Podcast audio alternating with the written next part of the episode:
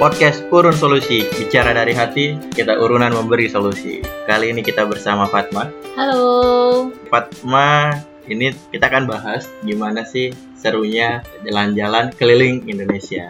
Kebetulan salah satu unsur tentang milenial itu kan investasinya bukan soal uang, tapi mereka itu investasinya milenial itu lebih pada pengalaman. Betul. Jadi pengalaman itu sering kayak jalan-jalan, terus mengeksplor satu daerah yang baru tentunya ya. Traveling. Ya tentu kan jalan-jalan juga bahasa Inggrisnya jalan traveling gitu ya. Be- beda. Beda, beda ya.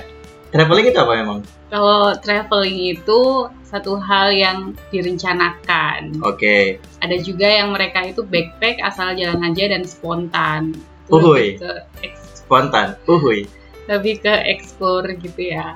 Oke, gitu ya. Iya. Kamu yakin gak jawaban kamu? Iya, karena emang ada dua macam tipe pelancong gitu. Pelancong yang merencanakan dia akan ke mana, Oke. menginap di mana, Oke. tujuannya ke tempat wisata mana aja gitu. Oke. Ada juga yang mereka tuh spontan gitu. Ya udah, ja- jalan aja, backpack, jalan, lebih ke mengalir aja nanti nemu apa, singgah di Oh, sana gitu. ada ya kayak gitu Ada ya? dua Ya biasanya kalau orang-orang yang merencanakan itu ya tipe-tipe orang melankolis. Itu kayaknya nggak mungkin saya sih, karena itu pasti sultan sih. Kayak ah bete ah, jalan ah, gitu ya. Kalau kita kan harus merencanakan, karena kita terlahir dengan yang bisa ngupas salak. Karena golongan orang yang tidak bisa ngupas salak, ya seenak mereka aja mau jalan-jalan ke mana gitu. Justru yang banyak tidak terlalu merencanakan perjalanannya mau bertujuan ke mana itu teman-teman yang backpack yang sebenarnya mereka dengan budget yang minim, Oh, Oke. yang spontan kan, Uhuy. kan banyak ya teman-teman tuh yang mereka jalan dulu aja deh ke sini gitu. Oke. Yang penting dia punya tu- satu tujuan, oke mau ke Pulau Komodo, tapi setelah Oke. itu mereka Bingung tuh mau ke mana lagi? bingung tuh mau Ya ke mana deh, gitu. So, Ikut-ikut aja, Iya, gitu. dapat nemu apa lagi. ya. senemunya apa gitu, terus sesuai sama budgetnya bisa untuk jalan ke mana gitu. Oke. Yang direncanakan dengan detail, nah itu biasanya akan lebih membuat perencanaan budgeting untuk anggaran travelnya itu lebih detail biasanya. Oke. Kalau Fatma kerjanya keliling beberapa kota gitu kan. Ya. Betul.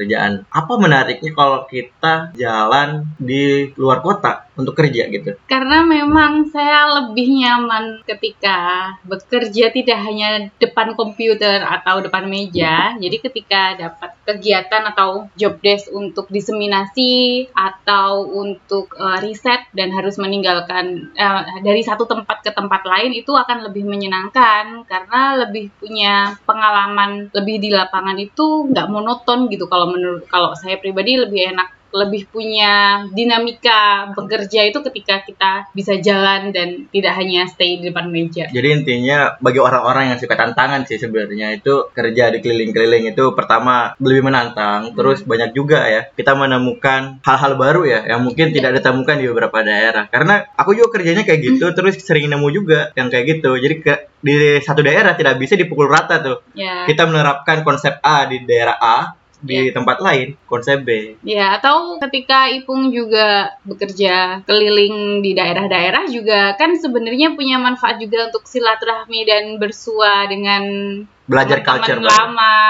Oke, oke. Karena saya sering keliling juga ya, jadi bertemu dengan teman-teman baru sih sebenarnya. Iya. Ada juga teman-teman teman-teman lama kalau kebetulan main ke tempatnya teman gitu kan. Jadi Mhm. silaturahmi juga. Dan selain itu belajar culture sih yang penting. Mhm. Karena kayak ketemu daerah ini yang paling saya coba pertama kali kalau Fatma apa? Kalau saya sih kuliner. Gimana rasanya makan bakso Solo di Solonya langsung. Iya kan? Iya, iya. Kayak kayak gimana rasanya makan coto Makassar di Makassarnya langsung Iya. itu kan yang menarik sebenarnya selama ini kan mungkin tidak banyak kesampaian gitu loh makan bakso ya ya udah bakso walaupun di Jakarta ada di Jakarta juga walaupun di Bandung ada bang di Bandung tapi kan sering ada tuh bakso Solo Mhm. itu sih menurutku salah satu yang menarik untuk mencoba langsung di rumahnya Ya, seperti itu yang paling seru soal culture apa nih kalau Ipung sendiri? karena sambil kerja ya jadi Mhm. eksplorasinya tentang kebudayaan itu jarang tapi biasanya aku nandain tuh Mhm. kalau ada waktu aku harus ke sana lagi Iya. untuk uh, lebih eksploratif lagi kalau Fatma daerah yang paling berkesan di mana Kalau saya lebih ke menghindari tempat-tempat mainstream. Kadang karena kita sudah terlalu banyak terekspos dan uh, banyak Dapat, informasi. uh, dapat informasi soal tempat- itu ya, Iya, ya. tempat Uh. itu ya akan ya menjadi biasa aja Ah, gitu.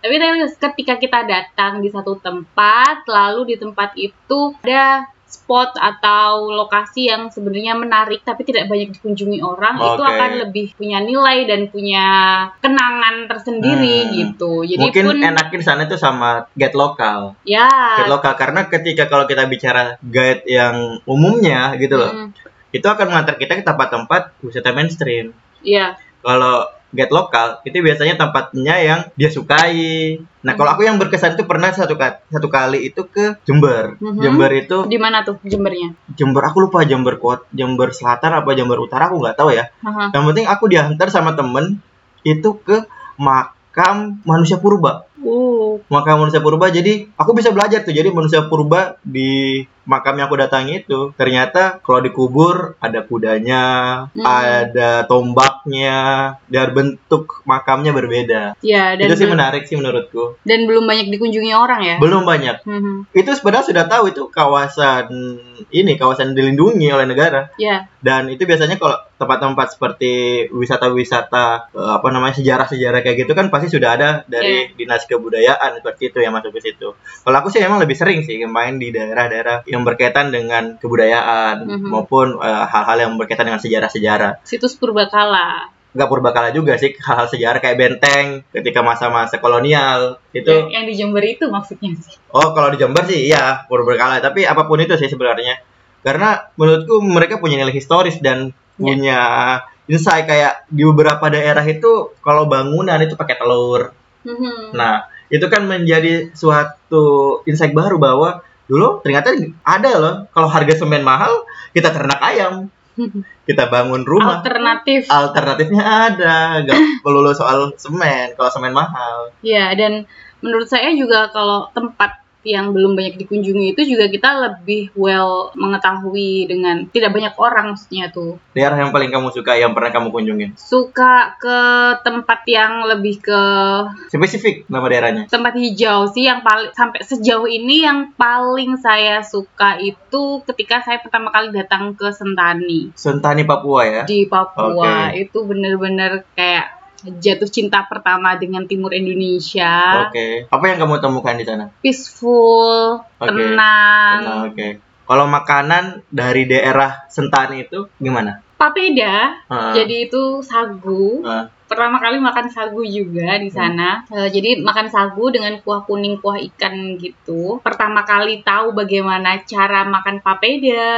hmm, Lalu mungkin teman-teman yang sudah pernah makan itu akan sedikit kikuk ya ya, makannya karena karena teksturnya berbeda. teksturnya berbeda. Iya, cara makannya Rasanya, juga berbeda. Caranya berbeda. Cara nelannya juga beda. Iya. Betul. Bagaimana mengkolaborasikan papeda dengan lauknya Iya, misalnya. iya, iya, iya. Gitu dan itu rasa-rasa baru yang sebenarnya yang tidak familiar di lidah kita itu akan beradaptasi dengan rasa baru. Ah. Itu menarik sekali. Dan di sana bisa kita klarifikasi ketika kita benar-benar berkunjung langsung ke satu tempat itu. Dan tidak seperti yang dikatakan orang-orang, maka kita juga tidak bisa mengeneralisir ketika orang mengatakan satu tempat yang eh, rawan untuk dikunjungi belum tentu juga di semua daerahnya. Oke, paling itu individunya aja kalau ada yang kasar ya. Iya, Karena- hanya oknum aja. Iya.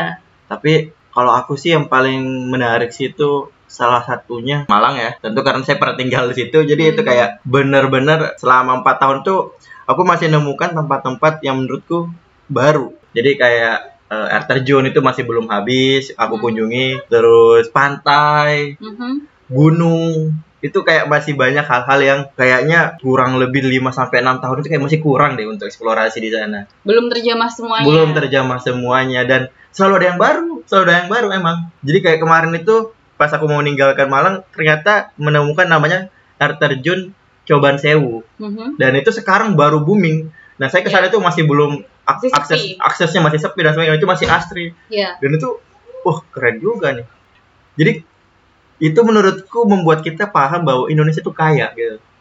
Indonesia kaya dari secara budaya Indonesia kaya Indonesia kaya dengan kuliner banyak juga pemandangan-pemandangan indah yang tidak ada belum mungkin kita temukan.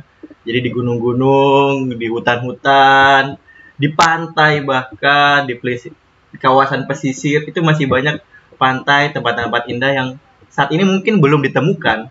Tapi ya lima tahun ataupun orang lokal udah tahu itu indah tapi belum hanya dijamah gitu loh Mhm. Dan itu sih menariknya. Tapi kalau Fatwa keluar kota, capek nggak sih? capek tapi terbayar dengan semua yang kita temukan di daerah itu. Misalnya saya juga sangat tertarik dengan ragamnya dialek. Teman-teman satu yang notabene orang Sunda aja itu juga macam-macam dialek dialeknya gitu. Oke, Teman-teman yang dari Jawa yang berbahasa Jawa pun beda-beda. eh, beda- beragam beda sekali Iya, iya.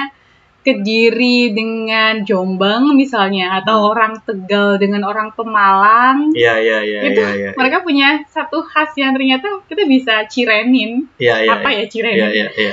dari mereka berdialek Bahkan nemu nemu nama-nama daerah yang lucu. iya betul Lucu. Itu kemarin aku ke Indramayu, ada namanya Loh Bener. Kecamatan Loh Bener. Itu ada juga di Cirebon, kalau nggak salah ya Cirebon ya. Itu nama kecamatannya Celeng.